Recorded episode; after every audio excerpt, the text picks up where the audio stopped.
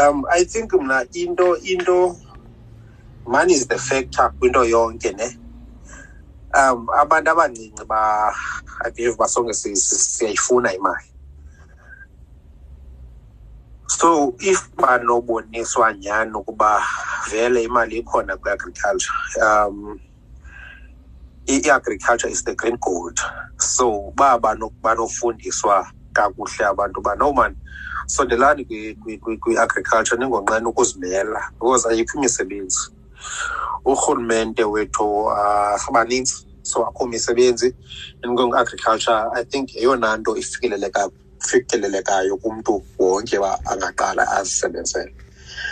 Not basically emasimini but zinintsi i-opportunities kwi-agriculture whether it's poultry piggery uh, cattle or plant.